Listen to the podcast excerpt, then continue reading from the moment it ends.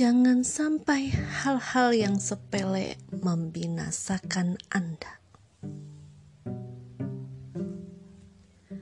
Banyak orang bersedih hanya karena hal-hal sepele yang tak berarti. Perhatikanlah orang-orang munafik, betapa rendahnya semangat dan tekad mereka. Berikut ini adalah perkataan-perkataan mereka. Janganlah kamu sekalian berangkat pergi berperang di dalam panas terik ini.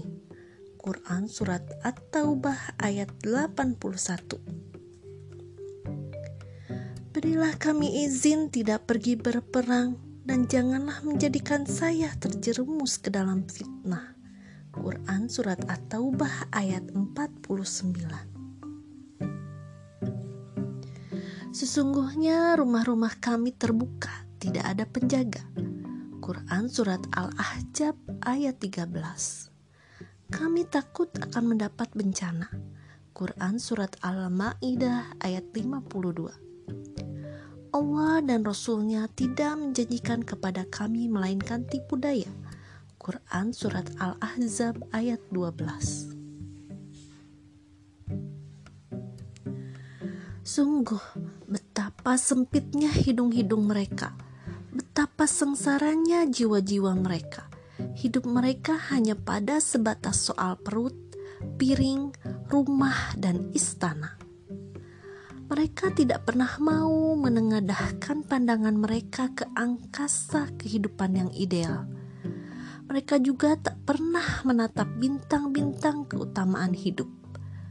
Kecemasan dan pengetahuan mereka hanya pada soal kendaraan, pakaian, sandal, dan makanan Coba perhatikan betapa banyaknya manusia yang hidupnya dari pagi hingga sore hanya disibukkan oleh kecemasan dan kegelisahan mereka agar tidak dibenci istri, anak, atau kerabat dekatnya, atau agar tidak mendapat celaan atau mengalami keadaan yang menyedihkan. Ini semua pada dasarnya justru merupakan musibah besar bagi manusia-manusia seperti itu. Betapa mereka sama sekali tidak memiliki tujuan-tujuan yang lebih mulia yang seharusnya menyibukkan mereka, dan juga kepentingan-kepentingan agung yang seharusnya menyita seluruh waktu mereka. Padahal, pepatah mengatakan, jika air telah keluar dari bejana, hawa kosong akan datang memenuhinya maka dari itu, bila Anda juga merasa seperti orang-orang tadi, renungkanlah kembali hal-hal yang selama ini telah menyita perhatian dan hidup Anda, atau bahkan membuat Anda resah setiap saat. Benarkah semuanya itu pantas memperoleh perhatian dan porsi yang sedemikian besar dalam hidup Anda? Mengapa Anda harus rela mengorbankan pikiran, daging, darah, ketentraman, dan juga waktu hanya untuk persoalan-persoalan sepele tadi. Ibarat orang berjual beli, apa yang Anda lakukan itu sebenarnya suatu keculasan dan kerugian besar yang dibayar murah. Para ahli jiwa sering mengatakan, buatlah batasan yang rasional atau wajar untuk setiap hal dan lebih tepat dari kalimat ini adalah firman Allah dalam Quran surat Al-Tolak ayat 3. Allah telah mengadakan ketentuan bagi tiap-tiap sesuatu. Yakni, letakkanlah setiap persoalan sesuai dengan ukuran, bobot, dan kadarnya.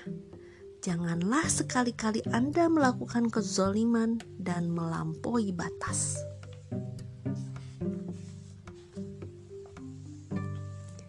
Ibaratnya, bila tujuan utama orang-orang yang berbakti kepada Allah ketika berada di bawah sebuah pohon adalah untuk berjual beli, maka mereka akan mendapatkan ridho Allah.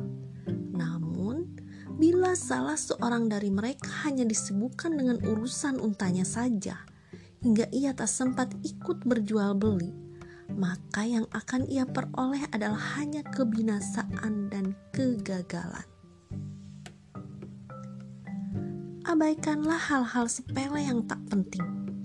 Jangan sampai Anda hanya disibukkan olehnya dan waktu Anda habis karenanya.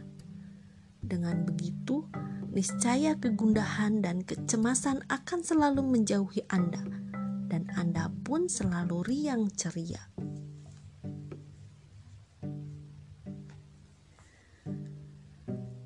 Terimalah setiap pemberian Allah dengan rela hati. Niscaya Anda menjadi manusia paling kaya. Sebelumnya, hal ini telah banyak dijelaskan, yakni beberapa makna dan faedah dari kerelaan hati seseorang dalam menerima setiap pemberian atau ketentuan Allah. Namun, kali ini saya akan membahasnya secara lebih panjang lebar untuk mendapatkan pemahaman yang lebih baik.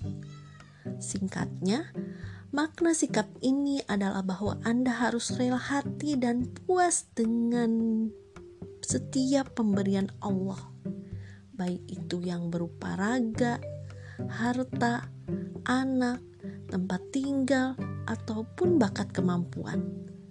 Dan Makna inilah yang tersirat dari ayat Al-Quran berikut.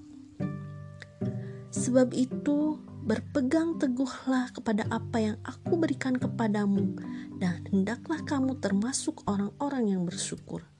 Quran Surat Al-A'raf ayat 144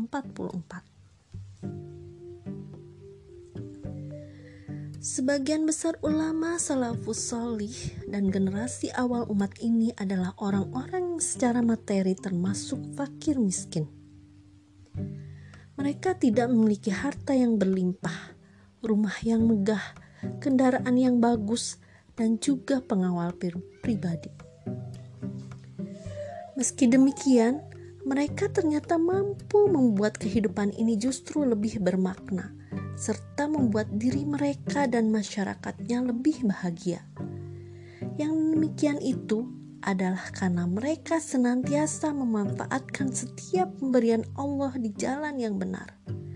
Dan karena itu pula, umur, waktu, dan kemampuan atau keterampilan mereka menjadi penuh berkah. Kebalikan dari kelompok manusia yang diberkahi ini adalah mereka yang dikaruniai Allah dengan kekayaan yang meruah, anak yang banyak, dan nikmat yang berlimpah. Tetapi semua itu justru menyebabkan diri mereka senantiasa merasa penuh penderitaan, kecemasan, dan kegelisahan. Adapun penyebabnya tak lain adalah karena mereka telah menyimpang dari fitrah dan tuntunan hidup yang benar.